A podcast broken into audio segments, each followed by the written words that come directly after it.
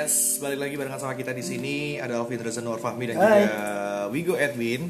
Ya, Ya. bagus banget ya apanya, kayak orang keren ya. Kali ini kita bakal ngomongin soal yang serius banget dan perlu diperbincangkan juga. Ya karena lagi booming mbak ya. Yes, bener banget. Salah satunya yaitu kasus penganiayaan anak SMP yang bernama siapa? Audrey. Audrey yang berada di eh, yang ada di Pontianak nih. Kalau menurut pandangan Bigo, oh sebelum sebelum ke pandangan, kronologisnya udah tahu kan, Alvindra ya? Udah. udah. Jadi ceritanya tuh eh, sepupunya Audrey yang punya masalah sama anak SMA. Hmm. Dan si anak SMA tadi nggak tahu SMA dari beberapa SMA katanya dua atau satu SMA nggak tahu lupa Wigo itu jemput Audrey tujuannya hanya untuk memancing si kakak sepupunya Audrey biasa bisa keluar dari rumahnya gitu loh.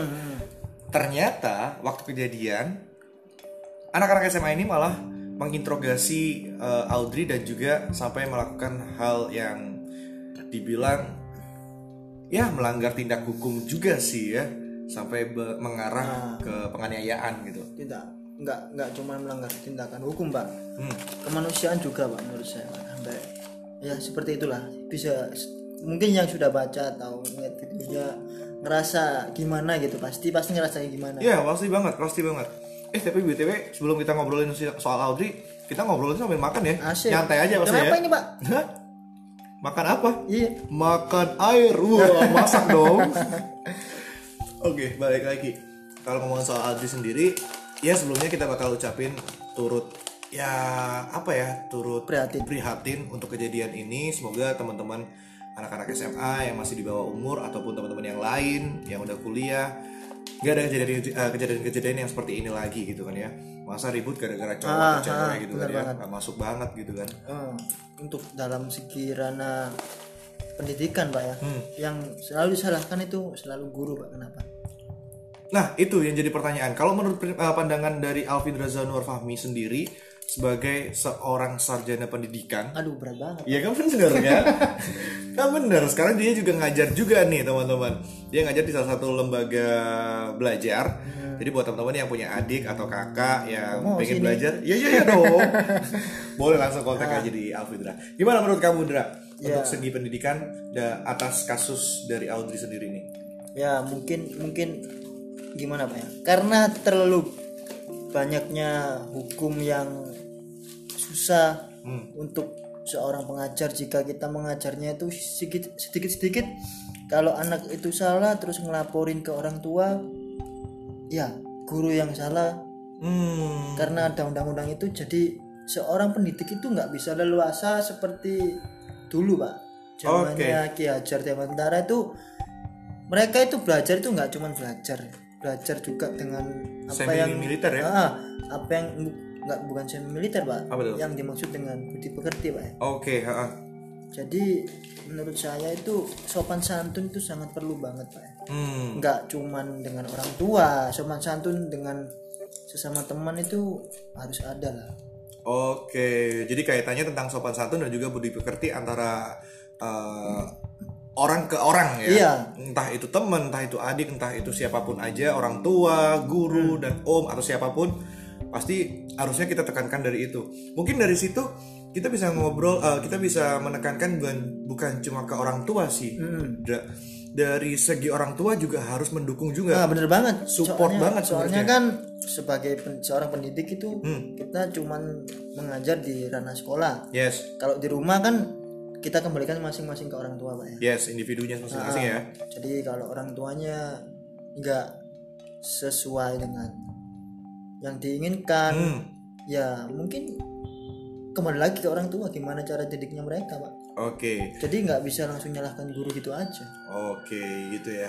Tapi ini bukan ngejudge kan? Iya, kita iya, cuma enggak. ngobrol aja, Sharing aja kita sih. Hmm, uh, buka pandangan aja kali ya perspektifnya Alvindra seperti ini. Iya. Mungkin seorang Wigo sendiri bisa setuju banget sama Alvindra. Soalnya apa? Eh, eh, apa tenaga kerja eh, tenaga kerja tenaga pendidik Indonesia pun sudah mumpuni banget kalau menurut Wigo pribadi. Cuman yang disayangkan banget kalau menurut Alvindra sendiri tadi kan kenapa harus sedikit-sedikit dilaporin ke guru gitu kan ya? Ah bukan ke, polisi, dilaporin ke guru ke polisi maksudnya. Terus yang jadi yang, ya, yang disalahkan ke guru. Apalagi kalau misalkan ya kita ngomongin soal yang enteng aja lah ya. Murid nggak masuk sekolah gara-gara males Nah. bikin alasan sakit terus gurunya negur waktu masuk gurunya yang disalahin Nah, sama dinas pendidikan sama aparat-aparat seperti itu kan ya. Tapi kalau menurut saya pribadi sih ya setuju banget sama Alvindra janganlah jangan pakai pakai kayak gituan. Orang zaman kita dulu nggak kayak gitu banget pastinya iya ya nggak be- nggak begitu banget pak. Tapi kalau nih ya kalau kita sebagai guru nih hmm. Kita kembalikan ke orang tua nih anak Hmm. ya udah ajar aja sendiri nggak usah ada sekolah oke Bener nggak sih? bener bener kalau kalau memang menurut mereka kita salah ngajarnya hmm. coba didik aja sendiri Oke. Berarti kalau menurut Alvindra sendiri, kenapa adanya sekolah di Indonesia? Sekolah adalah salah satu lembaga rumah kedua untuk mendidik anak. Seperti itu ya. iya Jadi kalau kamu udah di rumah, tanggung jawab kamu adalah orang tua. iya bener Kamu masih ditanggung sama orang tua. Tapi kalau kamu udah di sekolah, orang tua kamu udah lepas tuh. Kamu di wilayah di sekolahan. Kalau di sekolahan wilayahnya adalah yang bertanggung jawab guru. Otomatis seperti itu kan kasarnya Iya, kan. iya. Jadi teman-teman tetap kita tekankan di sini, kita kasih saran juga. Ya, belajar budi pekerti, belajar sopan santun sama teman-teman dan juga guru yang ada di sekolah ataupun di mana pun kalian berada. Tapi kalau ngomongin soal kasusnya sendiri ini mungkin seru banget nih, Dra. Soalnya apa? Bahkan tadi di Instagram pun hmm. ataupun di berita online, portal berita online itu Wigo baca udah eh, berita ini udah nyampe ke luar negeri juga. uh Malaysia, Singapura udah dengar. hmm. Dan banyak banget kecaman-kecaman dari netizen-netizen yang ada di luar negeri dan juga Indonesia yang mengecam banget atas tindakan dari kita ngomongin tersangka ya, soalnya Iya. masih masih masih belum naik ke tersangka. Hmm. Dari teman-teman oknum siswa SMA tadi ke Audrey. Kalau menurut pandangan dari Alvindra sendiri bagaimana nih? ya kita harus mencari tahu Hmm, kenapa nih si si Audrey-nya itu kok bisa dianiaya sama oknum tadi pak jadi kalau kita langsung menghakimi seorang yang menganiaya itu Yes. tadi Hah? kan pasti ada sebab akibat pak ya Ah, bener banget. Ada kejadian pasti ada suatu sebab. Heeh. Kayak misalkan ada kecelakaan motor disebabkan gara-gara apa? Remblong misalkan ya.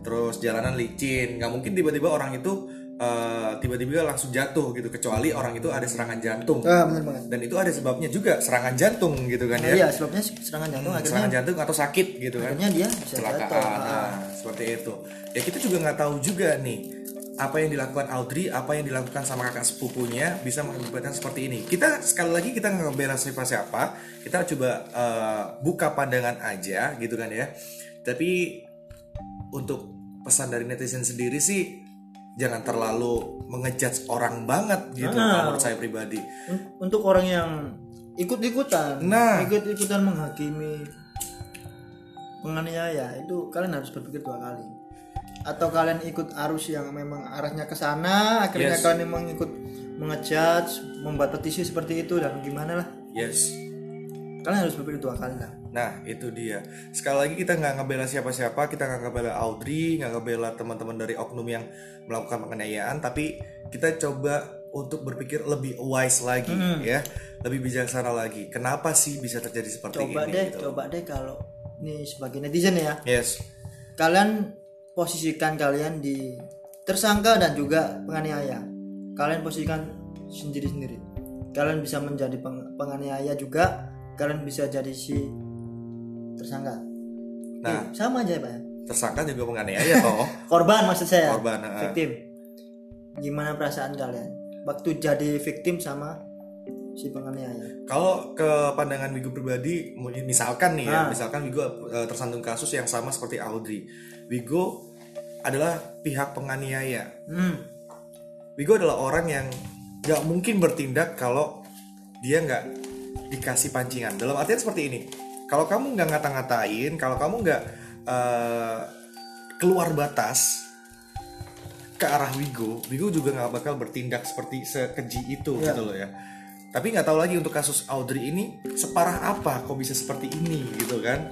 Tapi kalau ngomongin soal tindakannya tersa- eh, bukan tersangka sih ya, oknum dari penganiayaan tersebut ya kita ngomong tetap salah, itu Salah, salah parah banget sampai tindakannya tidak itu punya kema- kemanusiaan menurut saya. Benar banget.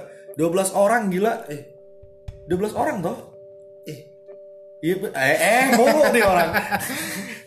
jangan tegang-tegang mbak Ya gimana gak tegang, kasihan banget yang ada di sana gitu kan dia Audrey, ya ampun, gila. Banyak banget artis-artis yang udah datang youtubers, terus kapan hari, bukan kapan hari sih, hari ini aja update Instagram ada Ivan Seventeen, Hmm. terus ada Atta Halilintar. terakhir sih saya baca tentang Nikita Mirzani kak Nikita Mirzani juga datang Hmm. hari ini. oh enggak enggak datang saya cuman di Instagram gara-gara si penganiaya Hmm, di kantor polisi bisa bikin story Nah itu juga yang kita permasalahkan. bikin bumerang pak Nah itu kenapa nih orang nggak ada kapoknya gila ya tau lah ya kata orang kata beberapa sumber di Instagram Twitter ataupun di media sosial mana pun katanya oknum dari salah satu penganiaya ini adalah eh, orang tuanya salah satu pejabat tinggi atau orang yang berpangkat lah ya yang ada di kota Pontianak gitu.